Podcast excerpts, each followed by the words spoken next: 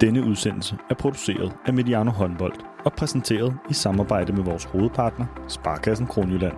Mange af os oplever, at verden buller afsted. Men hos Sparkassen Kronjylland tager de sig tid til det, der tæller. Tid til at gøre sig umage. Det forsøger vi også på Mediano Håndbold. Sammen med Sparkassen Kronjylland tror vi på, at tiden vi investerer gør forskellen. Rigtig god fornøjelse.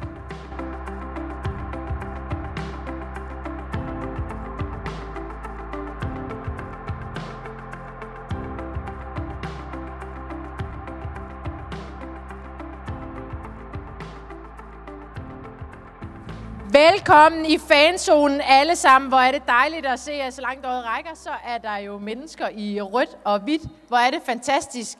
Vi skal jo varme op til den her øh, danske kamp øh, senere om en times tid. Så er der Tyskland-Rumænien, og kl. 20.30 er det jo øh, Danmark, der går på banen mod Japan. Og indtil da, så skal I bare nyde fanzonen. Der er for eksempel en fanzone-quiz, hvor man kan vinde VM-billetter. Der står også nogle QR-koder rundt omkring på standene, så øh, frem med mobilen, og så kan I øh, deltage i fanzone-quizzen. Og så er der jo madboder, og man kan få noget at drikke, og man kan sidde og hygge sig. Og øh, den næste times tid, der er der underholdning øh, her på scenen. Det er Mediano Håndbold, der optager en øh, podcast. Så øh, værsgo til jer. Værsgo, Thomas Ladegaard, du øh, har ordet. Tusind tak, Maria, og velkommen i fanzonen i boksen til alle jer, der er her, og også velkommen til alle vores lyttere. Jeg hedder Thomas Ladegaard og er vært og redaktør på podcasten Mediano Håndbold. I den næste lille times tid, der kan I øh, forvente her fra scenen at øh, høre lidt status over den indledende runde. Vi skal se frem til mellemrunden og klæde jer lidt på til kampen mod Japan. Og øh, så skal vi også lige kigge lidt mere sådan på slutrunden øh, som sådan, lidt, lidt, lidt bredt.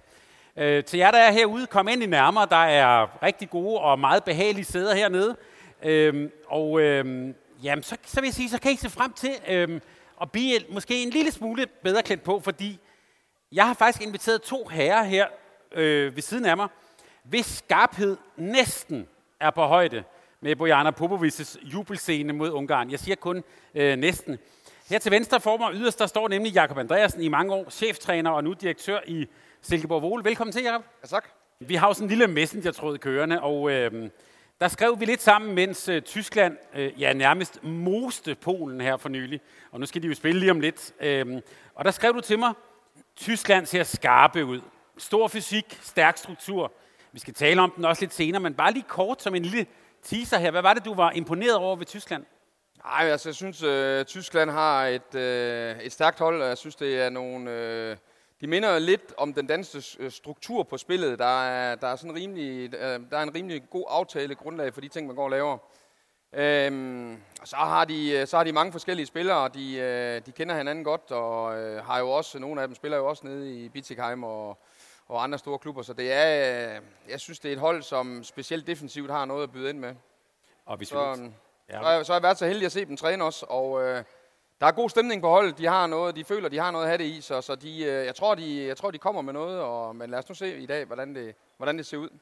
Og når vi nu skal se frem til, til mellemrunden, det gør vi sidst i vores lille samtale her. Jeg hører dig næsten også sige, at Tyskland det er nok dem, der er den største udfordrer for Danmark.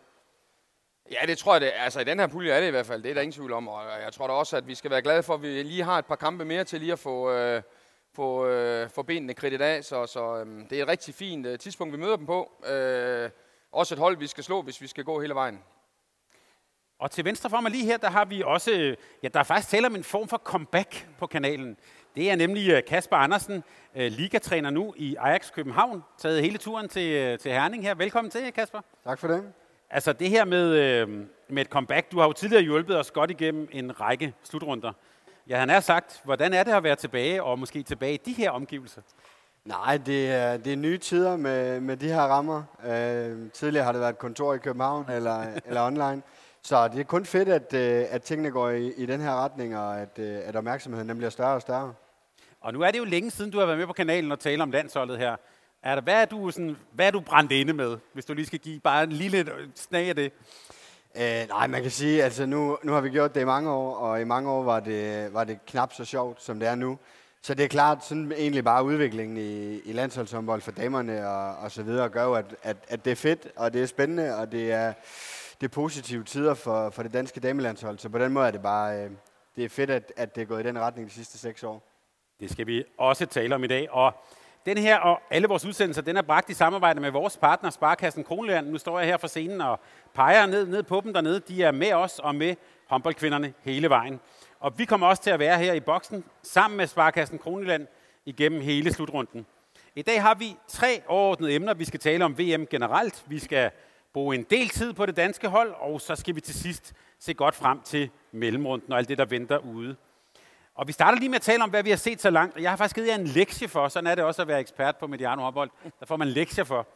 Øh, og det var, at I skulle lave en top 3 over de bedste ting ved VM så langt.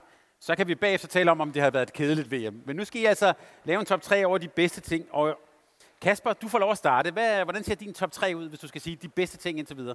Jamen altså, jeg har egentlig, øh, jeg synes Danmark-Rumænien, øh, og det er der mange grunde til, men jeg synes øh, boksen og stemningen, øh, Danmarks præstation, sådan, øh, når man opsummerer det hele, så var det, øh, så var det en virkelig god kamp og en god oplevelse for dansk kvindehåndbold.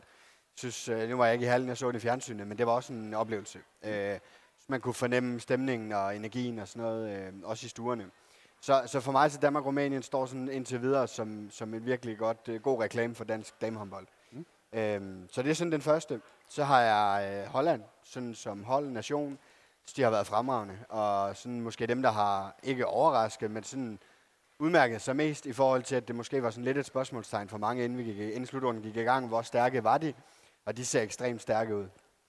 Øhm, så har jeg egentlig også Angola, Øhm, de måske mangler lidt på resultaterne, men jeg synes, når man sidder og ser dem spille, så spiller de jo noget anderledes håndbold, men har været effektive og dygtige til at spille det. Øhm, så sådan en øh, opsummering både på, øh, på at være lidt anderledes, men også at gøre det med noget kvalitet, øh, har været fedt at se. Har Angola været sådan... Øh, nogle gange så leder vi jo efter sådan nogle overraskelser. Det kan være spillerhold. Har det været sådan en positiv overraskelse for dig? Ja, det synes jeg. Mm. Altså, øh, ikke nødvendigvis sådan isoleret udelukkende på resultatet, men sådan opsummeringen af det hele. Øh, både deres kvalitet og deres alternative måde at gøre tingene på. Øh, højrefløje, der kommer rundt 15 gange i en kamp og skyder på det hele. Og vi får bare lov at se noget andet, men, men de lykkes med det, og der er kvalitet i det, samtidig med, at det skiller sig enormt meget ud fra det, vi er vant til at se. Stærkt. Jakob, hvad, hvordan ser din uh, top 3 ud så langt i turneringen? Nej, jeg bliver jo nødt til med mine øh, 10 år i Grønland, så bliver jeg nødt til at, at præcisere dem, at de øh, har fået at de er kommet med. Øh, strukturen kan man altid øh, diskutere, det vil jeg også godt være med til, fordi jeg synes ikke, at jeg synes ikke i forhold til strukturen, at, at det er den rigtige måde, men jeg synes, det er fedt, de er med. Jeg synes, det er fedt, at vi har et, et bredt øh, udsnit af øh, repræsentanter til et VM, så man ikke kun øh, tager de skandinaviske topklubber eller toplande øh, med. Så øh, fedt, at de er med, og egentlig også, at øh, nogle af de andre lidt mindre nationer de er med. Jeg synes, det er vigtigt, at vi får repræsenteret hele verden. Mm. Så synes jeg, at vi har øh, også set en, en øh, fin dommerstandard. Jeg synes ikke, der har været sådan nogle øh, store udfald, hvor man øh, tænker, hvad, hvad, hvad, hvad skete der lige der? Der har været en del fokus på øh, både matchfixing og alt muligt andet. Jeg synes egentlig, at øh, vi ser de rigtige dommer også, og jeg synes, de præsterer fint. Og så øh, som det sidste, så er det jo lige så meget øh, det, at vi spiller i Danmark. Det, man kan godt mærke, at vi er en stor håndboldnation. Det samler øh, både på tv-tallene, men også i forhold til det at komme i boksen og fylde den op og stemningen derinde. Øh, så kan man godt mærke, at øh, selvfølgelig er fodbold stort, men håndbold det fylder rigtig meget i, i den danske kultur, og det er, at vi kan samles omkring nogle ting. Så også et, øh, en lille smule skulderklap til de der omkring 100 mennesker, der er ansat i DHF. De sidder jo ikke alle sammen på hænderne. så, så de siger noget godt. Tak. Det, det, øh, det kan vi lade gå videre her på kanalen. Jeg tror, nogle af dem øh, faktisk også, også lytter med. Øh, der har været lidt tale om, at det har været kedeligt indtil videre. Det har jeg også set, hvis man sådan læser norske aviser, svenske aviser og sådan noget. Synes jeg også, det har været kedeligt? Ja, altså sådan, hvis vi sådan skal trække en overordnet streg over det, så, så har gruppespillet været kedeligt. Mm. Øh, der er alt, alt for mange kampe, øh, hvor afstanden den er, den er kæmpestor. Der har også været gode kampe, men hvis vi sådan skal, skal tage det op på et overordnet niveau, så, så er der simpelthen for mange hold med i forhold til, hvad, hvad sådan kvindehåndbolden kan, kan bære. Og det var også det, du var inde på med strukturen, gætter jeg på, Jacob. Ja, ja, det er det lidt. Altså, jeg synes jo, øh, jeg er enig, jeg synes også, at øh, der bliver for stor afstand. Jeg vil, jeg vil bare øh, også øh, sådan på det, måske bare lige sådan, hvis, hvis vi kigger til øh, skiskydning eller øh, skihop eller, det ved jeg ikke, buskydning, så tænker jeg også, at, at vi en gang imellem er lidt en tynde øh, kop te. Mm. Så det der med, at vi er med, det øh, synes jeg, det er vigtigt, at alle repræsenterer. Så kunne man godt have lavet en President Cup, hvor man siger, man kunne måske lave en eller anden form for struktur, hvor man, hvis man gør det godt, så kunne man rykke op. Øh, og så få adskilt nogle af de ting, i stedet for at alle er med fra starten, og så rykker man bare nedad. Altså det, jeg synes måske, man skal vende det om. Men det er jeg ikke sikker på, at jeg får trumfet igen med op for scenen af, men, men øh, derfor kan man jo godt have en lille, en lille smule holdning. Det kan man sagtens, og der har også været nogen, der har talt om, altså jeg er jo så gammel, jeg kan huske, at der var et A- og B-VM, ligesom man også kender fra ishockey. Øh. Ja, men og det, det, det, synes jeg også, det er en god idé, men jeg synes bare, man skiller det, og så skal det være på samme tidspunkt, og det skal ja. være de samme steder. Ja. Så kunne man have spillet uh, to uh, B-kampe uh, først, og så to A-kampe bagefter. Ja. Uh, jeg synes også, det er et problem, at vi spiller kampene så sent, at uh, de unge, altså børnene, de ikke kan deltage. Altså, vi spiller så sent, at, uh, at selv jeg bliver træt, inden jeg er færdig med at se kampen. Så, så der er jo nogle ting, hvor man sådan synes, at vi gør det super godt, men, men der er også, øh, både på det strukturelle, måske også lidt på planlægningsdelen, så kan vi altid vende tilbage til billetpriserne og en fyldt boks, men, men overall, så, øh, så er vi meget godt med. Godt, det synes jeg var en, en, en god start med den her top 3. Så, øhm, så lad os øh, skifte fokus og tale lidt om det danske hold og hvad vi har set øh, der. Tre kampe, tre sejre indtil videre, og som øh, Kasper var inde på, en festaften i boksen mod øh, Rumænien. Kasper, det danske hold, hvis vi bare sådan starter øh, overordnet, hvad er dit overordnede indtryk af, af, af det danske hold indtil videre? Mm, jeg har haft lidt startvanskeligheder. Øh, Serbien-kampen var jo umiddelbart ikke sådan imponerende, og jeg tror ikke, øh, det er ret mange forventet at se. Øh, starten i kampen mod Chile var, var heller ikke øh, imponerende, men synes, vi så mod Rumænien et hold, der måske bare skulle spille sig i gang. Mm. Øh, vi skulle have lov til at opleve en fyldt boksen og, øh, og så videre. Så øh, ikke noget, der bekymrer eller på nogen måde. Der, der var lidt startvanskeligheder, og mod Rumænien fik de slået ret klart og tydeligt fast, at, øh, at de er absolut top-top øh, nation. Lad os bare lige øh, tage den, Jakob, fordi da vi stod sammen her sidst på de her pladser, der talte vi om at spille en åbningskamp. Vi talte om premiere-nerver og, og sådan nogle ting. Var det i går sådan bare det, vi så? Altså, vi fik jo i hvert fald ret i, at øh, der var premieren af, og vi, jeg tror også, vi snakkede om, at vi skulle vinde med minimum 10 mål. Det fik vi så ikke helt ret i, jo. Mm. Så, så øhm, ja, jeg synes, det var voldsomt. Øh, men det fortæller måske også lidt om, hvad de forventninger er til øh, spillerne. Og øh, der er jo ikke nogen, der er tilfreds med en øh, fjerdeplads, eller en tredjeplads, eller en anden plads kan måske lige gå an. Men vi har jo kæmpe forventninger, og det er klart, at... Øh, når spillerne løber ind til den første kamp, så, øh, så er det bare en svær kamp. Det er det for alle nationerne, og alle de går på banen og siger, at vi skal bare vinde, så lige meget, hvordan det ser ud. Men, øh, men det er ikke så nemt, når der sidder halvanden million i fjernsynet og 12.000 mennesker i øh, Europa. Så, øh, men heldigvis, som øh, Kasper siger, så ser det jo bedre ud, og de begynder at få løsnet lidt op, og tingene begynder at glide. Så, så øh, vi, er, vi er i en god proces, og jeg er også sikker på, at, øh, at det kommer til at fortsætte. Så det overordnede indtryk er også, øhm, hvad kan man sige, med pil opad for dit vedkommende? Ja, det synes jeg, det er. Altså, der er jo, jeg tror vi vender lidt tilbage til lidt i forhold til opstarten af kampene, men der er måske et par ting, hvor jeg sådan tænker, at Elver kommer ind og skal være spilstyre i den første kamp. Øhm, det, det er jo det er altid svært at vurdere, hvad der er rigtigt og hvad der er forkert. Jeg synes, der bliver delt godt ud af ressourcerne, så vi har øh, ressourcerne, når vi kommer længere hen i turneringen. Og det er jo også det, Jesper han lægger stor vægt på, at vi skal, vi skal vinde vi skal, der, hvor vi skal udmærke os, det er på det, der foregår mellem kampene. Mm. Øhm, og det tror jeg, vi arbejder meget med. Også, det er en af grundene til, at Elver kommer ind og skal tage det store tryk. Men, men jeg tænker, at Mia Højlund har været bedre til at finde strukturen og finde hinanden, fordi de har trods alt spillet nogle flere kampe. Så, så jeg, altså, der var både noget i forhold til det taktiske, men også bare det der med at komme ind på banen og spille, og så, øh, så gik det jo, som det skulle alligevel. Kasper, du har ofte og, øh, på kanalen her og øh, Vores meget flittige lyttere, de vil genkende det, jeg siger nu, for du har talt i, nærmest i mange år om, at det danske hold skulle finde det øh, niveau, måske bundniveau, stabilitet, der gør, at vi skal, og så sagde du, vi skal vinde de kampe, vi skal vinde. Ja. Er det det, vi gør nu? Har vi den øh, stabilitet, og jeg vil næsten også sige, at vi også nogle gange brugt ordet kynisme her. Er vi der nu? Ja, det tror jeg. Altså, hvis vi går to-tre år tilbage, så har vi tabt til Serbien øh, med, med det kampforløb og, og, og den måde, som, som det startede på at udvikle sig på. Men, men der er trods alt erfaring nok nu til, at når det der skal afgøres, så er man alligevel noget skarpere de sidste 10 minutter. Mm. Øh, jeg synes også, altså i forhold til den kamp, så kigger vi på resultatet, og Serbien kom bedst fra landet og var lidt foran, men Danmark har 6-7 store, fine, fine muligheder. Bare de første 8-9-10 minutter. havde man omsat bare 50 procent af dem, så havde man alligevel haft plus et par stykker efter 10 minutter. Så det er også ofte det der med at være sådan rimelig skarp i, i, i de ting, man skaber de første 10 minutter, som kan få indflydelse på de næste 20. Så vi så mod Rumænien, hvor øh, de laver fire mål meget, meget hurtigt og, og kommer foran. Så havde man været lidt skarpere i, i de afgørende sekvenser de første 10 minutter mod Serbien, så havde det måske også set helt anderledes ud. Og den der kamp mod Rumænien, altså nogle gange der taler man jo om at spille sådan en definerende kamp, eller man taler også nogle gange om at spille den kamp, som vi skal måle os selv op imod. Jeg kan spørge jer begge to, starte med dig op. Var kampen mod Rumænien, er det den kamp, der, som, er, som vi skal måle os med, øh, altså som viser, hvad vi rent faktisk kan? Altså, man er, jo, man er jo aldrig bedre end det, man lige har spillet, så, så det er jo et godt udgangspunkt, øh, heldigvis. Øh, men jeg synes, vi ser nogle af de ting, som, som vi skal være gode til. Stå godt i forsvaret. Øh, hvis vi kan blive ved med at tage lige så mange øh, straffekast og løbe kontra og sådan noget, så er vi jo et godt sted. Og hvis vi vender tilbage til vores storhedstid øh, for 20 år siden, tror jeg det er efterhånden, så var det jo en god defensiv med nogle gode kontraspillere, og så nogle, en enkelt eller to individualister. Og øh, jeg ved ikke om... Øh, banen er i hvert fald den samme, og det er bolden også, så hvis det er konceptet for at blive verdensmester, så tænker jeg bare, at vi skal holde fast i det, og der viser vi da i hvert fald nogle af de takter, som, øh, som vi gjorde dengang. Kasper. Christina Jørgensen, hun er dernede, Aim to Dream. Hende har vi talt meget om. Nu var hun der mod Rumænien. Eller hvad? hvad? Du, du, jeg vil ikke sige, at du er skeptisk, men du, vi, vi taler jo, at hun er ung stadigvæk, og vi har jo virkelig talt om, hvornår hun sådan øh, brager igennem. Gjorde hun det mod Rumænien? Ja, det synes jeg. Jeg synes faktisk generelt, at det er jo...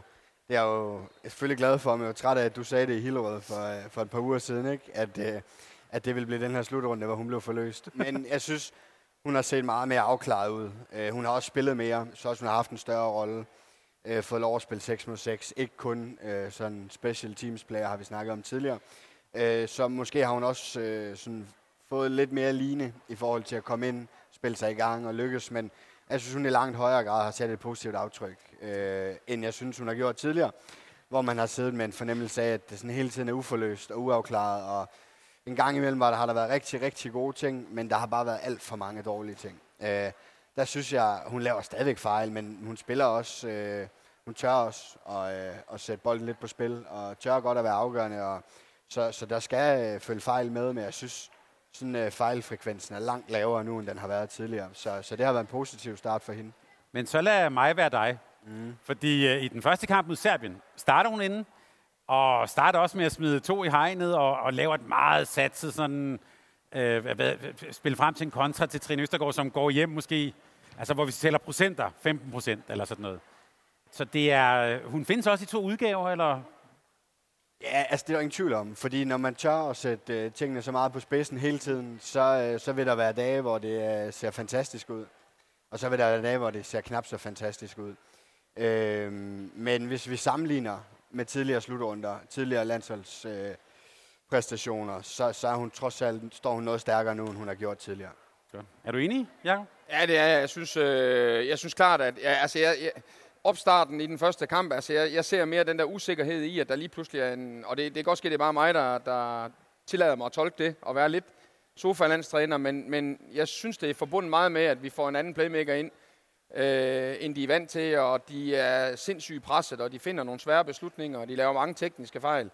Og så kan det bare lynhurtigt komme til at se en lille smule skævt ud. Øh, til gengæld synes jeg, at... Øh, at hun er med til at vinde det til sidst, og øh, den udstråling og øh, glæde og øh, sådan engagement, hun viser ind i kampene, synes jeg, at øh, der synes jeg klart, hun ligger øverst. Øhm, og det er en af de ting, som jeg synes, man skal have meget mere af. Altså det, jeg så også lige Jesper var lige ude og give en lille smule attityder, men det, men det er alt, alt, for lidt. Når man har 12.000 mennesker, der skal hjælpe ind, så bliver man nødt til at tage dem med sig. Og det synes jeg ikke, vi, vi formår det lidt til sidst i går, eller i sidste kamp, øh, bliver det bedre, men, men øh, hvis man sammenligner med herrerne, første gang de løb ind her, og i sidste gang de spillede i boksen, altså der løber øh, halvdelen af landsholdet jo op og klapper publikummerne i hænderne for at få dem med, og det er godt ske, de er foran med 15 mål, men de ved godt, hvad der skal til for at få, for at få hallen til at koge. Og så kan man diskutere, om det er setupet i hallen, der ikke gør, at publikum kommer op af stolen, eller hvad det er, men, men det drejer sig jo rigtig meget om altså, kommunikationen mellem spillerne og publikummerne, og det, der, der synes jeg, hun øh, løfter noget for holdet også. Øh, jeg vil godt lige tale om det der med indledningen på kampene, men lad os bare lige blive ved det der med, med, med tilskuerne, fordi øh, Efter, særligt efter kampen mod Serbien, så var der lidt snak, kunne jeg se i medierne på tv, og jeg tror også, den kære Bent Nygaard sagde noget med, at, ligesom at, at tilskuerne var lidt kedelige. Vi sad derinde. Oplevede du dem som... Ja, jeg synes, jeg synes hvad? der, ja, det synes jeg. Altså, men jeg, men jeg synes, det hele det drejer sig om det der setup, at man lænder sig tilbage, og nu skal vi se dem vinde med 10, og så kører tingene ikke lige, og så kan jo øh, selv jeg kan sidde og fundere over, hvad der er rigtigt og forkert. Det drejer sig om, at man får lagt øh, tryk på publikum, og, og have været øh, spil på Balkan, så har de jo kastet... Øh, først der har de nok kastet lighter og spyttet efter øh, deres egen øh, hold for at få dem op i gear, og bagefter så modstanderne. Men, men der er vi jo alt, alt for søde, altså. Der, der, øh, det kan godt ske, man skal, vi skal være bedre til at... Der skal være nogen, der lærer vores publikum, hvordan vi går forrest. Men det er jo bare... Øh, det er jo det, vi har som det ekstra, og det skal vi udnytte os, øh, benytte os af. Øh, og det hjælper ikke noget at komme bagefter og synes, at der skulle man måske også lige rejse op og klappe noget mere, eller spillerne tænkte, der skulle vi måske lige have appelleret ud til publikum, eller træneren skulle have vist noget ind. Så er det jo for sent, så, så det, må vi, øh, det må vi hjælpe hinanden med. Det er jo sjovt. De har præcis den samme diskussion i Göteborg med, med svenskerne, og jeg gætter på også måske i Norge. Så, øhm, så det kan være, at nu skal vi ind og se kampen. Øhm, så må vi to råbe lidt mere. Eller? Ja, men, men, det, men det kan også godt ske, det er lidt på strukturen. Altså man tænker, at vi skal nok komme igennem, og jo, vi snakkede også om det sidste gang, at taber man en kamp, så kan man godt vinde alligevel. Det er forresten sket rigtig tit. Mm. Så det hele er jo lidt sådan noget sofa-håndbold. Man kommer og hygger sig og ser det og sådan noget. Men der er jo ikke rigtig noget på spil. Og det, der så er farligt, det er jo, at så lige så har vi en semifinale, og så er der en kamp, hvor alt er på spil. Og har man så en dårlig dag, så kan man bare køre hjem igen. Så var det det. Så det, det er også lige så meget det der med at være klar fra starten af, at få, få fundet det der spændingsniveau og få hallen til at koge. Og det, øh, det ved jeg ikke. Altså, jeg, jeg må bare konstatere, at herrerne var bedre til det. Ja, så strukturmæssigt, hvis vi bare lige hopper tilbage til den. Man kan jo sagtens forestille sig, at vi har øh, for, for nogle af de gode hold øh, tre relativt nemme kampe inden en runde, tre relativt nemme kampe i mellemrunden, og så pludselig, bang, så er det kvartfinalen, så rører man ud. Ja, og det, og det vil vi ikke se på herresiden. Altså, det, der, der er der knald på fra starten af, fordi der er måske 10 hold, der kan komme i finalen. Mm. Og det øh, kan godt ske, at der også er det i kvindeligaen, men sandsynligheden den er væsentligt større, at der er tre hold, vi kommer til at kæmpe om den der plads. Vi får se, om vi får lidt øh, stigende, øh, stigende intensitet, også i dagens kamp mod, øh, mod Japan. Den skal vi tale om lige om lidt. Men jeg vil lige tale lidt om det der med indledningen på kampene. Altså, øh, hvis vi spoler tilbage til Serbien, der stod den øh, 0-3 efter 3 minutter og 46 sekunder. Øh, meget nervøs øh, start.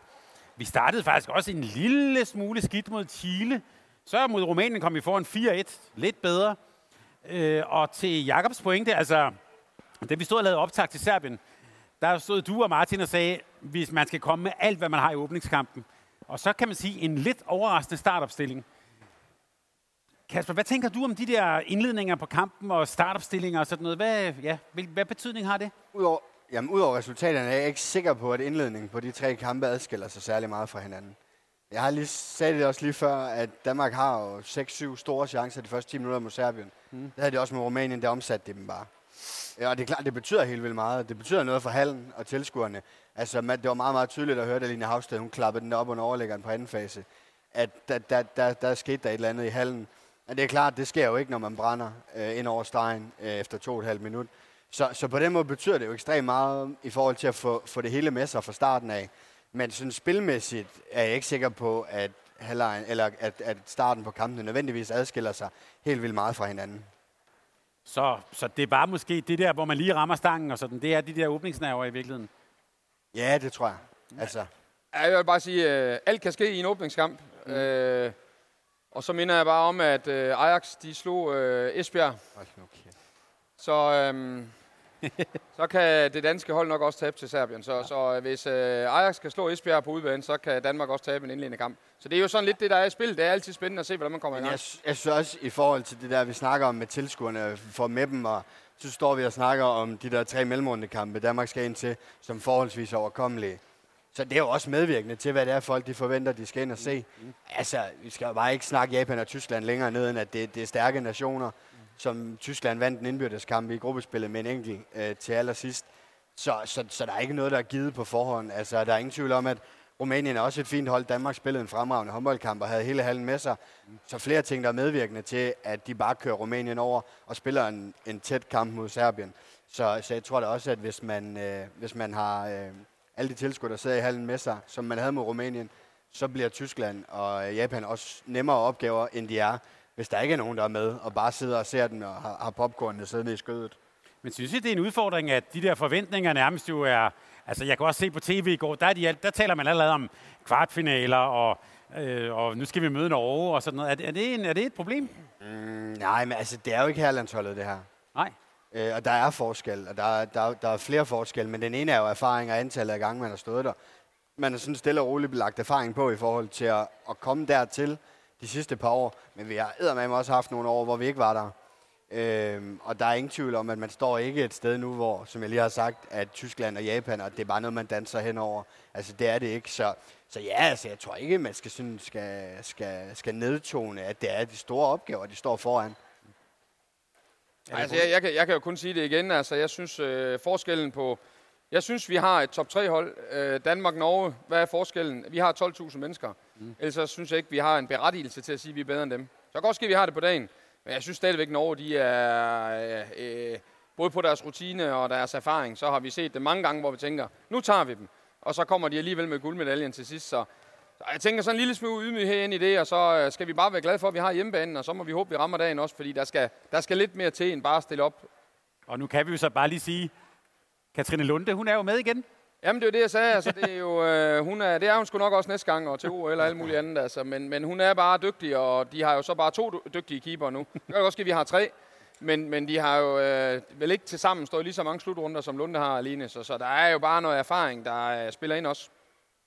Kasper, øh, vi, noget vi også tit har talt om ved slutrunden, der har jo været det her begreb. Udover kynisme har vi også tit talt om det her begreb tålmodighed. Og der har jo været nogen, for eksempel øh, mod, mod serberne, ikke? Stå i forsvar i et minut, op og smide bolden væk på 10 sekunder. Ja, men altså, jeg synes, den anden ting i forhold til en åbningskamp, det er, at Serbien afviklede det, altså sådan i forhold til de præmisser, jeg tror, de gerne ville helt perfekt. Tempoet var lavt, øh, små, korte duelsituationer med et indspil ned på en stor stregspiller. Det lykkedes det ikke, så går bare ud og prøver igen. Øh, så, så der er ingen tvivl om, at man skal være dygtig, og det er jo også noget, man bliver bedre og bedre til, jo flere gange man prøver at stå i de her kampe, hvor man er bedst, og man er favorit, og, og så videre. Men der er ingen tvivl om, at Serbien-kampen, det, det, det var en, en stor test i tålmodighed, men som de jo lykkedes med. Men vi taler også om det, altså vi har faktisk også talt om det helt tilbage til, til seneste EM-finale, altså den danske tålmodighed. Er det en, et, et, hvad kan vi sige, et fokuspunkt? Ej, jeg tænker i hvert fald, at Christina Jørgensen, hun måske godt har lidt, og, og, og en gang imellem lige skal bide sig selv i læben, eller Havstad, når hun kommer op, og specielt øh, i de, i de indledende kampe, synes jeg også, at, at vi vil rigtig gerne. Altså, og det er, jo, det er jo også godt, og specielt når det går godt, så kan vi virkelig producere mål på, øh, på samlebånd. Men det er jo også den der med, at vi, vi afgør også tingene hurtigt. Vi kommer lynhurtigt til at stå nede i forsvaret, og vi kan godt få en fornemmelse af, at tingene er svære. Øh, og den der rutine, det er jo det, Norge de kan. Og når så hånden den er op, jamen, så er der en Nora Mørk, eller, som, som kan tage sagen i egen hånd. Og, og der kan man sige, der er specielt på vores højre bakke, er vi jo også i en position, hvor vi kun har én spiller i princippet, og så ved vi godt, at vi kan trække Mia Højlund over, men så mangler hun jo et andet sted. Altså, hun er jo bare en x-faktor-spiller, som, som skal være med til at afgøre kampene, men, men hun kan jo ikke spille mere end en position. Men jeg, så, altså, jeg synes, at det klæder det danske landshold, de tør at løbe og sætte fart i tingene og spille med noget risiko.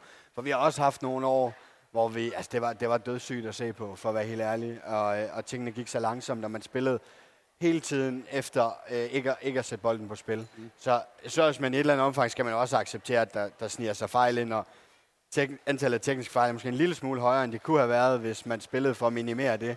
Og starten på Rumænien-kampen, altså der, der, der var vel bare de første 12 minutter, der skiftes de bare til at have bolden. Mm. Øh, og jeg synes sgu, det klæder det. Altså, jeg synes, det var, og der sniger sig fejl ind. Line Havsted har en to-tre dumme tekniske fejl. Men der er også virkelig mange gode situationer, hvor de lykkes med det, de gerne vil. Så, øh, og det er jo netop det, Norge gør til perfektion og har gjort i mange år. Det er at spille i det tempo, men stadigvæk gøre det med meget, meget, meget få fejl. Og der kan de måske stadig noget, som vi ikke... Om jeg synes, jeg er helt enig med Jakob. Det har jeg også sagt i lang tid. Martin mangler her til at sige, at Danmark er bedre end Norge. Mm. Men jeg synes også, at Norge er bedre end Danmark. Jeg synes, øh, Norge har langt mere rutine.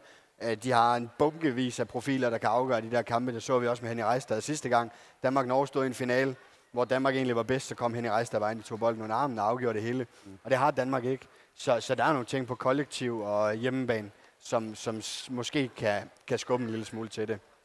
Og jeg til din pointe fra før, altså for mig, der virker det i den grad som om, at Jesper Jensen, når man så må sige, spiller med det lange lys tændt. Altså, det er mange udskiftninger, mange sådan øh, opstillinger.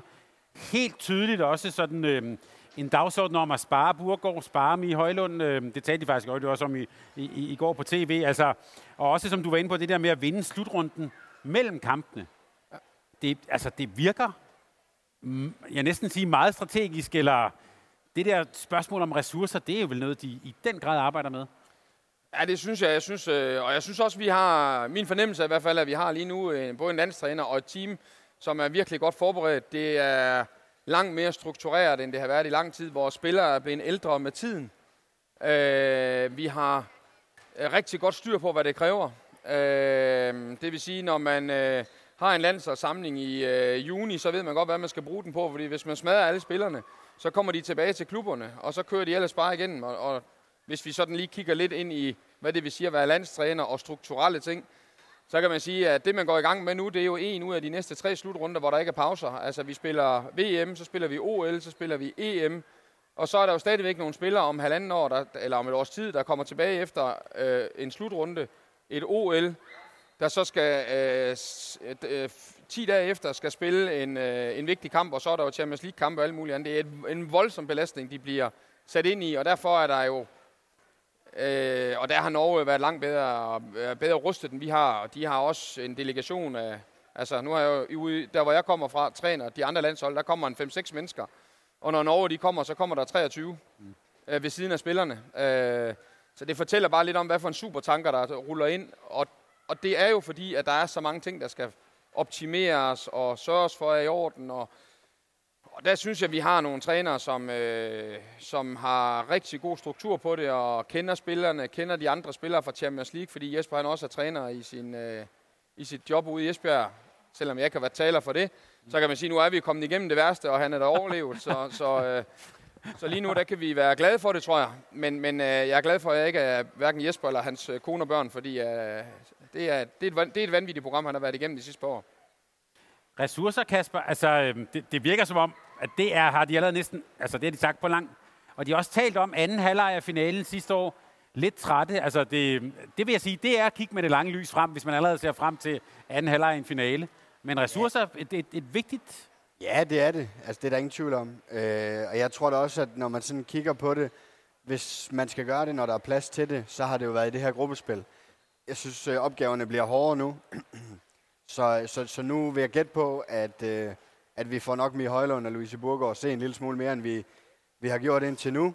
Øh, fordi nu begynder det sådan for alvor at gælde, øh, og kampen er, øh, er, bliver hårdere og sværere. Jeg, jeg, jeg, jeg tænkte også på, da jeg kørte hertil, øh, Japan, hvem vil jeg gerne se spille? Mie Højlund. Altså, øh, der skal være nogen, der kan sætte en mand af derinde, ikke? som ikke bliver fanget i...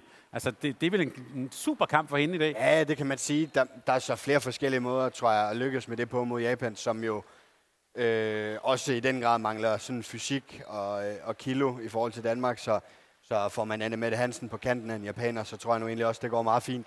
så, så det er jo sådan et spørgsmål om, der er flere forskellige måder at, at gribe det duelspil mod Japan an på. Øh, men der er der ingen tvivl om, at, at Mie vil, vil nok uh, trives rigtig fint i tempoet i, i den kamp, vi kommer til at se i, senere. Vil du egentlig gerne se noget 7 6 spil i dag? Nej, jeg synes bare, de skal gemme til finalen mod Norge. Ja, det er anden halvleg igen. Den, den, ja. der, der tager vi den. Ja, vi, i, I vores optakt og alt, hvad vi har talt om op til slutrunden, har vi jo sagt, suveræn, sublim dansk defensiv. Har du også set den sådan i de første tre kampe? Øh, ja, altså jeg, jeg synes ikke, vi skal tælle den første kamp med, fordi jeg synes, det er, det er så meget andet. Altså, øh, noget med lige at komme ind og finde den, og en uvandt ramme og sådan noget, det, det, det har vi snakket længe om, men, men øh, altså, vi har bare Havstad derinde, som er en af verdens bedste forsvarsspillere, og måske den bedste. Øh, jeg synes, vi har dygtige keeper, som er på ikke bare på noget højt niveau, men på internationalt top, top niveau.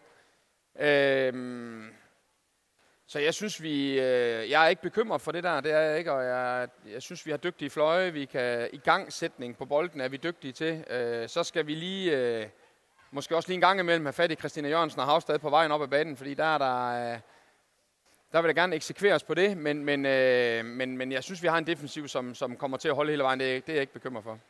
Er du enig, Kasper? Ja, det er, altså, jeg, synes, jeg synes ikke, der er et, øh, et svagt punkt i, i den defensive.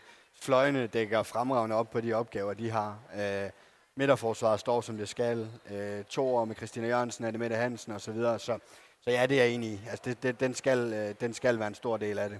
Altså der, hvor vores største problem bliver, det er, når Burgård er ude og har pause. Hvem er det så, der skal dække den der? Der, der Sara Iversen har jo, altså, jeg er sikker på, når hun får tid og ro og finder noget tryghed i det, så, øh, jeg kan i hvert fald huske fra sidste år, når vi mødte hende, at øh, der er hun altså ret dygtig. Øh, hvis man øh, render ind i hende, så kan man godt få nogle klø. Mm. Så vi håber lidt på, at hun også bliver frigjort i den situation og finder lidt ro. Men det, kræver lidt, at, at man ligesom kan få skubbet forsvaret over, så hun kan tillade sig at tage lidt højde. Men, men øh, det er vel det eneste sted, hvor vi ikke er på en position, hvor man kan sige, der kunne Tranborg jo virkelig have, have lagt de sidste 5% ovenpå.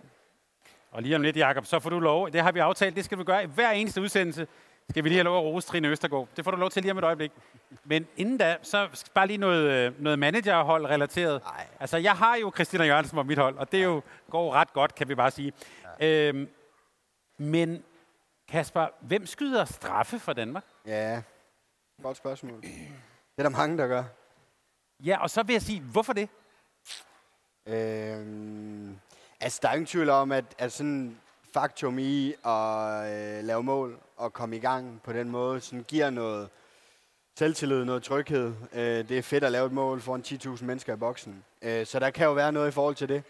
Øh, der kan også være noget i forhold til, at det er svært at forberede sig på øh, for modstandere. Øh, jeg vil gætte på, at øh, de skærer det lidt ind til benet, øh, stille og roligt nu her. Hvad tænker du, Jacob? Altså, det... Ej, jeg, jeg, ser, jeg ser den, øh, den... Det kan godt ske, at der er andre, der er rigtige til det, men ja, altså, Christine Jørgensen, hun har, hvis man, øh, jeg tror, hvis man laver profiler, mm. og kigger lidt ind i den verden, og siger, hvad der foregår op mellem ørerne, så tror jeg, at vi har en spiller, som når der står 23-23 og bare lurer mig, det kommer også til at ske for os, at vi kommer i den situation, hvor der er fem minutter tilbage, og det hele det bliver afgjort. Øh, så vil hun elske at få lov til at knalde den bold. Det er da også, at hun får lidt sved i hænder, men, men hun, hun vil selv føle, at hun er den rigtige til at skyde det straffe. Og så må man jo smide nogle... Øh, øh, så må man smide lidt energi ind i det, eller hende tage nogle skud nu her i løbet af tiden, fordi jeg tror, synes Friis, hun har også været sindssygt stærkt øh, til det, men, men øh, det er også det der med at kan tage bolden, når det virkelig gælder. Og der, der ser jeg hende som nummer et. Stærkt. Og så, øhm, jeg ved ikke, har Trine Østergaard skulle straffe for Danmark nogensinde? Nej, men det synes jeg jo, hun skal til at gøre, så. Nå, godt. Hvordan har du set hende undervejs her? Ja, men det er jo... Øh, jeg er glad for, at du spørger om det jo. øh, fordi hun skal jo nævnes, og hun er jo efter min mening den, den danske juvel. Altså, øh, vi snakker om, at alle de skal have pauser, og vi skal top og langsigtet og sådan noget. Og, ja, hun har jo spillet på det der landshold lige så længe som den. Ja, i mange, mange år. Og, øhm, Ikke og så det, længe som Burgård. Men... Nej, nej. så, så, øh, og hun er der bare altid, og hun præsterer altid, og øh, vi har også taget slutrunder, hvor det bare har været hende hele vejen igennem, og det, og det er vildt imponerende, den, øh, den måde, hun spiller på, den træfsikkerhed, hun har, den kontrasituation, hun har. Hun fylder ingenting, men når kampen er færdig, så har hun scoret seks mål, og øh, det er vel lige så sikkert som ammen i kirken. Så det, det, det at have en højere fløj på det niveau, både defensivt og øh, offensivt, det er det er helt outstanding, og jeg synes jo, hun bliver glemt alt, alt for meget. Ja, og eneste ris i lakken. Hun har brændt to, øh, to ja. kontrachancer, ikke? Men ellers så øh, er, hun jo meget, meget sikker. Ja. Og hun er vel også en fløjtype, tænker jeg, som har de der 4-5 helt sikre afslutninger, ikke? Jo, men jeg synes bare, hun spiller på et, øh, et sikkert niveau. Altså, ja. man kan altid stole på hende. Altså, vi ved sgu aldrig rigtig lige helt, om det er Anne Mette Hansen, eller det var Stine Jørgensen, eller det var Christina Jørgensen, eller hvem der nu har spillet på de der positioner. Men, men altså, højre fløj, den er, det er de 10 år, der har bare været hende jo. Altså, og hun ja. er der stadigvæk. Og vi kan gentage den. Bare smide den derud. Det plejer ja, ja. godt. Ja. Kasper, lad os prøve at kigge frem på mellemrunden, og måske også lige se lidt frem til den kamp, vi skal se i dag. Altså, det hedder så Japan, Polen og Tyskland i den rækkefølge. Sådan øh, overordnet, hvordan ser du den øh, pulje, og måske ligefrem også den rækkefølge, de hold, vi skal møde? Øh, ja, man, man kan sige, at hvis tingene går, som de skal i de to første kampe, så er rækkefølgen for Danmark måske meget god. Øh, fordi så bliver det ikke sådan en, øh, en alt eller intet kamp mod Tyskland. Øh, I forhold til kampen i aften, så er det måske ikke den nemmeste start på mellemrunden i virkeligheden. Øh, Polen og Tyskland spiller jo håndbold, som nok er noget nemmere at forholde sig til for, for Danmark, fordi det minder noget mere om, end det, det vi selv også øh, spiller. Hvor kampen i aften mod Japan, det bliver jo en, en markant anderledes opgave med et langt mere offensivt tænkende forsvar. Øh, søger langt frem i banen, spiller angrebsmæssigt ekstremt mange kombinationer i høj fart. Der er sindssygt mange ting at forholde sig til. Øh, så på den måde er det måske den opgave, sådan indtil vi eventuelt står i en kvartfinale, som adskiller sig sådan mest. Øh, så jeg tror, det, det, det bliver svært, det bliver en fed håndboldkamp, og ikke nødvendigvis den nemmeste måde at skulle spille sig i gang i en mellemrunde på. Så det bliver, altså, jeg, at du siger fed håndboldkamp, det bliver faktisk også sjovt at kigge på. Ja, det tror jeg absolut. Ja. Jeg synes altid, det er sjovt med til VM. Øh, specielt de hold, der spiller anderledes, men også gør det med kvalitet, som jeg også nævnte med Angola i starten. Ja. Øh, det er jo ikke sjovt nødvendigvis at se alternativ håndbold, hvis, øh, hvis det er 25 mål dårligere end modstanderen. Men, men med Japan, som, øh, som virkelig har kittet det godt sammen, øh, som har kvalitet og spiller meget atypisk, så synes jeg, synes jeg altid er en fed oplevelse.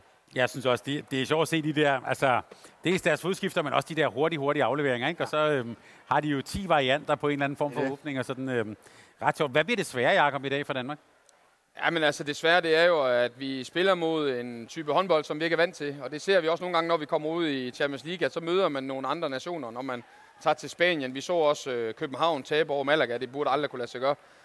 Øh, og det er, fordi de spiller på en anden måde. Øh, og øh, så kan det godt ske, at Malaga spiller på en anden måde. Men det her, det er noget helt, helt andet. Og det er, det er, det ser så... Øh, det ser så enkelt ud. Altså, det er jo bare sådan en lille fløj, der lige kommer løbende rundt, og så kommer der lige en bakke og sådan noget. Men når man står nede i forsvaret, og man vejer 100 kilo, og man er to meter høj, så er det sindssygt svært at forberede sig på.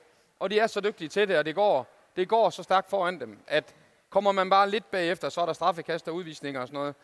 Og jeg håber, at vi, øh, jeg håber skulle vi finder den rigtige højde, og jeg håber, at vi kommer til at stå ved siden af hinanden og sådan noget. Fordi får vi ikke flyttet fødderne, og det, det, det kan blive, hvis de får skilt os ad, så kan det virkelig blive noget rod at stå overfor. Så vil jeg sige, at jeg tror nok, vi skal få lavet målene i den anden ende. Det, det er jeg ikke så bekymret for, men, men, men de der... Nu har vi jo trænet fysisk træning her i, i Danmark de sidste 20 år, ikke også? Og det, det er sgu ikke altid fordelen at veje 100 kilo, når man møder nogen, der er 1,50 meter høj, der løber stærkt. Så det er en svær opgave, og øh, vi kan se video og alt muligt andet, men det drejer sig om individuelle kompetencer nede i forsvaret. Altså, det, øh, øh, det, er et møde, det er at møde dem. Øh, nogle gange taler vi også om det her med at sætte tempo i kampen. Altså, du nævnte, øh, Kasper, også det der med Serbien ret gode til sådan en balkan-grisig måde at tage, tage tempoet ud. Sådan en kamp her, skal Danmark øh, også spille noget højt tempo der? Ja, det synes jeg. Det synes jeg. Jeg tror ikke, øh, jeg tror ikke, at Danmark skal tilpasse sig alt for meget. Der er noget i forhold til det defensive, hvor det bliver noget alternativt, og noget andet, man skal forholde sig til. Jeg tror, langt hen ad vejen, så bliver det helt store spørgsmål sådan en parathed. Som Jakob siger, hvis man bare sover i et sekund, så har man tabt. Mm. Øh, og så kommer der en opbakning, lige kommer et halvt sekund for sent, og så bliver det sådan noget, så spiller vi undertal i 18 minutter i løbet af en kamp, og så bliver det svært.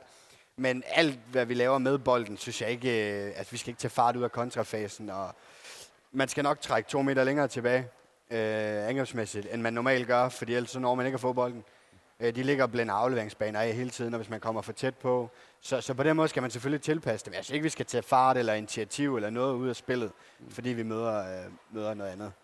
Altså, jeg er, jo, jeg er rent angrebsmæssigt, så er jeg jo mest spændt på, hvis vi får svært ved at løse deres offensive forsvar. De hele tiden dræber os på løbebanerne og skal banerne af. Så er jeg spændt på, om Jesper han øh, eksekverer på 7 mod 6 spil med det samme, eller vi sådan skal helt ud i anden halvleg og så håbe på, at det går. Jeg håber jo, at, at hvis vi kommer i problemer med det der angrebsmæssige noget, at vi så bare øh, hiver 7 mod 6 ind, for så har vi en kæmpe fordel.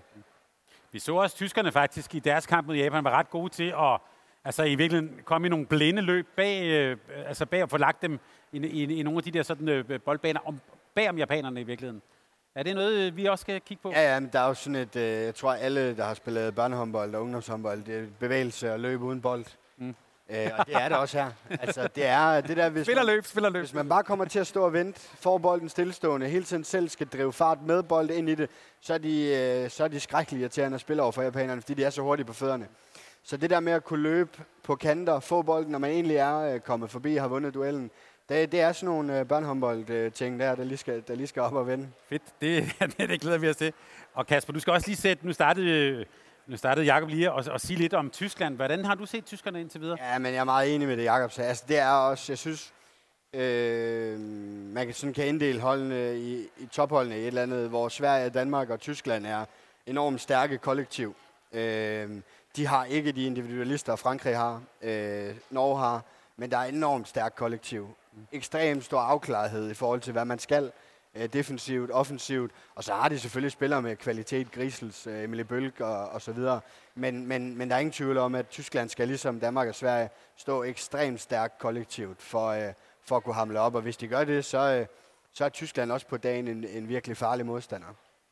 Og Polen har du set træne i, øh, i Vole? Ja, men jeg har både set øh, Polen og, og Tyskland, og øh, ja, men altså Polen er en anden kaliber, det vil jeg sige. Altså, øh, jeg synes, øh, på individuelle kompetencer, der er de rigtig dygtige, dygtige fløjespillere, og har målmænd, der står i topklubber og sådan noget.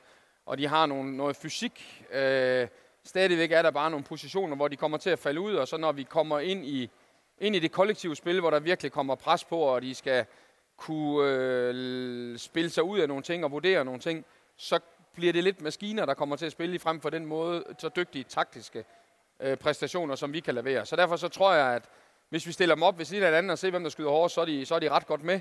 Hvis vi ser, hvem der kan løbe hurtigt, så vil de være ret godt med. Men når vi så spiller op, og vi skal til at skifte ud, og vi holder bredden og sådan noget, så, så vil der være nogle ting, hvor de kommer til at falde ud på. De spiller ikke alle sammen i Champions League-klubber 10 forskellige steder. Øh, så så øh, der ser jeg en vis forskel. Men så lad mig spørge på en anden måde. Er der nogle spillere på Tysklands, i Tysklands trup eller i Polens trup, der kunne være en del af den danske trup, hvis I kunne skifte ud? Ja, Jarabkova kan godt spille. Hun kan godt spille sig på. Hvem? Eh, Marketa Jarabkova. Ja, men nu tænker jeg på i den, øh, altså tysk eller polske. Nå, Ej, men jeg synes, jeg tror, det, der, der, er sgu, der er masser af spillere, hvor man kan sige, det, det, altså vi har jo topspillere på alle positioner. Altså der, hvor jeg synes, problemet bliver, det er jo, hvis vi kommer ned og rammer sådan en tysk mur, øh, og laver og ligger og scorer 25, øh, 24, 25 mål, så er der ikke nogen kampe, der ikke er til det. Heller ikke mod Grønland næsten. Så, så derfor så skal der ikke ret meget til for at tip, bære det tipper. Hvis vi går op og laver 30 mål mod Tyskland, så er jeg ikke i tvivl om, skal vi nok vinde. Fordi vi skal nok komme ned og stå godt. Det skal vi også mod Polen. Det skal vi også mod... Altså, Problemet er jo, hvis vi øh, rent fysisk i vores angrebsspil ikke rigtig kommer til at lykkes, hvis vi ikke rigtig kommer afsted med vores kontrafase, så bliver alle kampe til det. Og der, der, er, det, der er det nationer, der godt på, på dagen kan gå ind og, og, og, og kan drille os. Jarabkova, ja.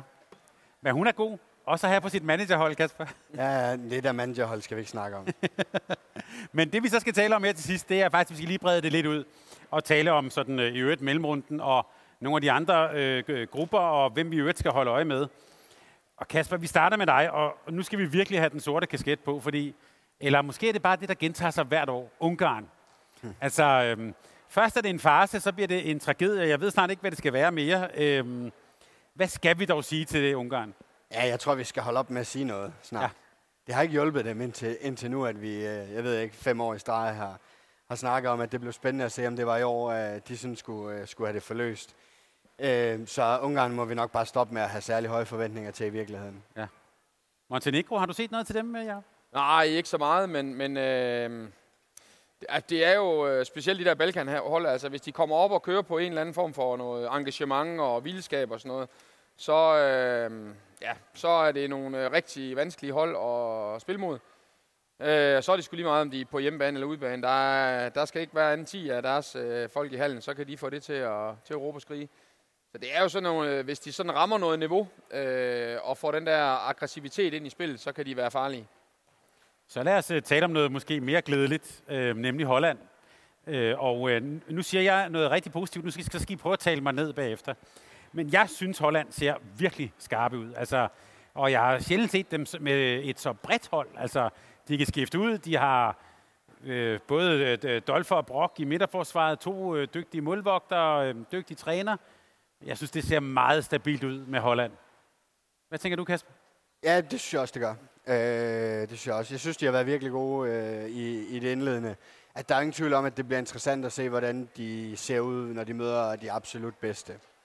Øh, jeg synes, vi snakkede om Pullman inden, som jo er kommet tilbage nu og begynder at se bedre og bedre ud. Øh, men der er heller ingen tvivl om, at hun er jo også en type, hvor hun fylder ekstremt meget, og når hun lykkes, så er det rigtig fint. Men hvis ikke hun lykkes, så stopper hun jo ikke med at fylde meget. Så fylder hun måske virkelig endnu mere. Så, så der er også sådan nogle balancer øh, i, i den truppe og det hold, som bliver interessant at se mod de allerbedste. Øh, jeg tror ikke, at de lige pt. kan hamle op med, med hverken Norge, Danmark eller Frankrig. Men øh, der er ingen tvivl om, som de gør det lige nu på dagen, så kan de slå alle. spørgsmål, om de kan, kan gøre det hen over seks eller syv kampe. Så du har lidt med Holland, sådan... Øh, lad os lige se dem mod en rigtig dygtig modstander først. Ja, det, det, det, det tror jeg, vi skal, før vi sådan lægger dem i det lag med, med de, de top 3 holdene. Mm. Er du enig, ja? Ja, det er, det er jeg faktisk. Altså, jeg, øh, jeg, jeg elsker at se deres måde at spille på. Det minder jo meget om det, vi selv har praktiseret ude også. Men, øh, men, men jeg er enig i, at jeg synes... Øh, jeg, jeg tror, de kommer til kort, når de møder lidt mere fysik i forsvaret, når de ikke bare kan få lov til at shine, som de gør. Når Polman, hun er en af deres største profiler lige nu, så kan man sige, det er hun altså ikke, når man spiller de store Champions League-kampe, eller når de kommer til at møde Danmark, øh, Norge og øh, hold med fysik, så tror jeg, at øh, så bliver der taget meget ud af det. Øh, men, men de spiller sgu frisk til den, og de giver den gas. Og havde de haft 12.000 mennesker i ryggen, så, øh, så kunne de godt bevæge sig op imod noget, der ligner noget medaljer. Men, men jeg tror også, de kommer til at møde en mur på et eller andet tidspunkt. Og, så den... det værste af det hele, det er jo, at Danmark ikke kan slå no- øh, Holland. Det er, jo, det er jo vores største problem, men øh, jeg er ikke sikker, at vi møder dem. Det er måske også det, jeg har, har lidt i baghovedet. Øhm, men lad os bare lige holde dem, bare lige øh, en lille fodnote på, på Holland, så kan vi vende tilbage til dem, fordi på søndag, der spiller Frankrig mod Norge. Og vi skal bare lige øh, tage med, og det kommer vi til at tale om i en kommende udsendelse. Det er jo Norge selv, der har valgt at få Frankrig i mellemrunden. Og jeg ved ikke, øh, de, de kommer ud med nogle historier om, at det er fordi, at så, øhm, øhm, så vil der være flere franske til, tilhængere i Trondheim. Det har jeg ikke helt forstået. Øhm, jeg tror mere, det handler om, at så kan de ikke møde dem før, igen før en finale. Men der er vel den lille risiko for Norge, at hvis de ikke klarer Frankrig, så skal de møde Holland. Formentlig. Ja, og hvad grunden er, det, det, har, jeg, det har jeg svært ved at, det er svært ved at spå om. Altså, øh, jeg synes i hvert fald, at Frankrig det er et godt hold, og, men, men når man sådan inden slutrunden, så har man nok tænkt, de er ved at bygge op, og de mm. er ikke så gode, som, som de var før i tiden, og de er ikke, også de medaljekandidater, men de er i hvert fald ikke i top 2. Øh, men altså, det er, det er jo lidt ligesom Norge. De, de lister sig bare stille og roligt ind i turneringen. De bliver bare bedre og bedre, og de er atletiske, de der skide franskmænd. Så, så de ender altid med at, at stå med noget godt, og de har jo også en træner, der har formået at bygge et nyt hold op øh, 25 gange. Så, så, øh, så øh, jeg tror, det er ikke sikkert, det er det bedste for Norge, men altså, Norge tror jo også bare meget på sig selv. Mm. Øh, så måske har de ret. Men Kasper, nu startede vi med at sige, at det måske havde været øh, lidt kedelige kampe indtil videre. Søndag, Frankrig mod Norge. Altså, det smager der noget. Ja, det er jo en VM-final værdigt. Ja, øh, bogstaveligt talt, det har det været mange gange. Så, ja, ja, præcis. øh, ja, det bliver fantastisk. Mm. Øh, jeg, jeg tror, når jeg har Norge sådan, som ikke klare favoritter, men han føler mig rimelig overbevist om, at Norge står noget stærkere lige nu, end, end Frankrig gør. Øh, men, men en fantastisk håndboldkamp, det, det, det bliver det absolut. Prøv lige at lade sætte, sætte på, på altså, det franske hold. Det er rigtigt nok, altså det er jo opbygning igen og igen og igen, og de har jo, øh, tænker jo ofte, altså i sådan en slutrunde her, er det jo altid OL, i hvert fald traditionelt, de har. Hvordan ser du øh, Krumholds... Øh, ja, men det er jo altid sådan lidt med Frankrig. Nu har vi snakket med Danmark, og det skifter meget ud, og der er mange spillere i spil i gruppespillet. Altså lige sagt, det, det vil vi nok opleve, bliver mindre og mindre, jo længere vi kommer hen i turneringen der er det jo bare sådan med Frankrig, at om det er øh, anden gruppekamp mod Senegal, eller det er VM-final mod Norge, så skifter de helt vildt meget. Mm. Øh, der er mange spillere i spil, der er enormt mange ting at forholde sig til. Så på den måde synes jeg, at Frankrig har altid skældt sig ret meget ud fra, fra de andre topnationer under slutrunderne. Øh, ved at opleve Norge og Danmark, når vi kommer der til at spille forholdsvis smalt, vil jeg gætte på. Øh, og der er Frankrig bare en helt anden størrelse. Øh, jeg synes så måske, de skifter en lille smule mindre faktisk, mm. øh, nu end, end de har gjort tidligere. Men, men på den måde er Frankrig en anden størrelse at forholde sig til. Øh, fordi det er sådan noget hver 8. minut, så er der en ny bagkæde, eller nyt 2 mod 2 spil med en ny bagspiller og stregspiller. Fordi tingene hele tiden bliver mixet op. Så, og det er også noget af det, de har lykkes med øh, tidligere. At, øh, at sådan gøre kampene en lille smule sværere at, at blive kloge på, fordi man får ikke så lange forløb. Øh, ja. og, og hvordan står det til det norske spil? Øh, det er et godt spørgsmål. Ja, altså, der er ingen tvivl om, at, at hvis Norge får fornemt ved sådan at, at forberede sig, kalde alle de ting, der kommer, så, så, så er det svært. Så man, på en eller anden måde skal man jo også men Norge prøve at overrumple dem, øh, overraske dem øh, en lille smule, for sådan at bryde det der øh, kollektiv, der nu har spillet 15 år, eller hvor lang tid det er, de har spillet sammen efterhånden. Øh, så på den måde er det, nok, øh, er det nok en fornuftig strategi i forhold til at, at hamle op med Norge. Og Jacob, vi talte, vi talte sidst om, at Throy Heigerson, han var jo meget tidligt ude at tale om mind games og, og så videre. Øhm, Martin fortalte også, hvor den skideballe, han havde fået af ham ved sidste slutrunde og så videre. Øhm, ja, hvordan ser du Norge? Altså, er der grund til, at han skal rende rundt og være lidt småstresset? Jeg synes i hvert fald, at han er blevet mere småstresset med jo flere medaljer, han har fået. Uh, ingen tvivl om, at han er en rutineret rev og har ført dem gennem uh, den ene slutrunde efter den anden. Men man må også bare sige, at når Norge de, øh, taber en kamp, så er hele nationen jo efter ham, så, så han er under et, et gevaldigt pres, og og man har jo sådan en fornemmelse af, at han kan få lov til at blive der lige indtil, at der er et, en slutrunde, der ikke lykkes, så skal der en ny landstræner til, fordi så er det, fordi han har været der for længe. Så det er jo, altså, det er godt at have masser af erfaring og være der lang tid, men, men jeg må også bare sige, jeg kender også godt det der pres med, at, at lige så snart, at, øh, at man begynder, og tingene ikke lige er der, så er det fordi, man har været der for længe. Så øh, jeg tror da, at, øh, jeg tror da, at han har nok at se til. Og så synes jeg altid, at han sådan ligesom får det sat lidt op til, at de andre er lige så gode som os. Mm. Ja. Altså, og det er Danmark jo i hvert fald. Øh, så jeg tænker bare, at han skulle holde sig hjemme på sin egen ø, og så sørge for at vinde den medalje, så får han nok et år mere. Og så er der et hold, vi slet ikke har talt om endnu, som måske går lidt under radaren. Det er Sverige. Ja. De hygger sig lidt i Göteborg. Ja, altså jeg synes, ikke, øh, jeg synes ikke, de ser så stærke ud, som jeg synes, de har gjort de sidste par slutrunder. Nej. Øh, der er ingen tvivl om, når man kigger ned over holdkortet, så er de også nået efter øh, både Danmark og Norge og Frankrig og Holland i virkeligheden også. Men, men Sverige har virkelig eller, haft et ekstremt stærkt kollektiv de sidste par år. Øh, jeg synes ikke, de har set helt så stærke ud nu her. Det kan nå at komme endnu. Reelt starter slutrunden jo først øh, nu her. Øh, så det kan nå at komme endnu. Men jeg synes ikke, deres start har været så, øh, har set helt så stærk ud, som den har gjort de sidste par, par slutrunder. Og så bare her til allersidst. Øh, Danmark-Japan om her om, om, om få timer. Hvad bliver det for en kamp, Jacob?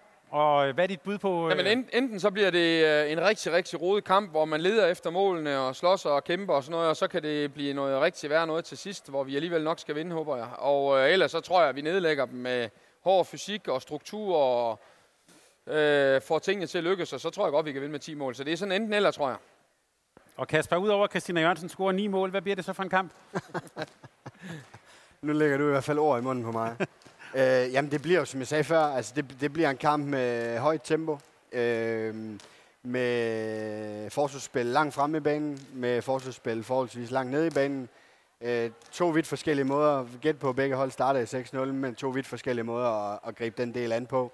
Øh, Japan vil komme enormt langt frem i banen. Danmark vil formentlig holde sig forholdsvis langt tilbage. Stå øh, tæt og ikke åbne for store områder. Øh, og så bliver det to hold, der sætter fart på, når de får bolden. Og en sjov kamp, sagde du også. Ja, det, det, det, det, det tror jeg helt afgjort, det bliver. Det vil vi glæde os til. Tusind tak, fordi I ville gøre os klogere her fra scenen, øh, her fra fanzonen i boksen. Det var en fornøjelse. Tak til Jakob, tak til Kasper. Det var fantastisk. Og tak til alle jer, der lyttede med, både her i øh, fanzonen og ude på vores øh, podcast. Nyd det at være her i Herning, og øh, husk at lytte til alle vores udsendelser på Mediano Håndbold, der hvor du plejer at høre podcast. Det kan være på Spotify, iTunes osv. Vi er allerede tilbage igen øh, mandag, og vi har også en særudsendelse på vej, kan jeg røbe, og vi kommer til at følge afslutningen hele vejen, og de her, I kommer også til at være med i næste uge, og vi håber med dansk deltagelse. Tak fordi I lyttede med, og tak til Sparkassen Kroneland for at gøre alt det her muligt. Og lad os så gå ind i boksen og se holdet slå Japan. Tak. Vel tak. Tak fordi du lyttede til en podcast fra Mediano Håndbold. Hvis du kunne lide udsendelsen, så husk at abonnere på Mediano Håndbold, der hvor du hører din podcast. Så får du den seneste udsendelse serveret direkte til dig. Du må gerne fortælle dine venner om os, og husk at følge os på Facebook, Twitter og Instagram. Mediano Håndbold kan lade sig gøre på grund af Sparkassen Kronjylland. De er med Mediano Håndbold og det kvindelige danske landshold. Tak fordi du lyttede med.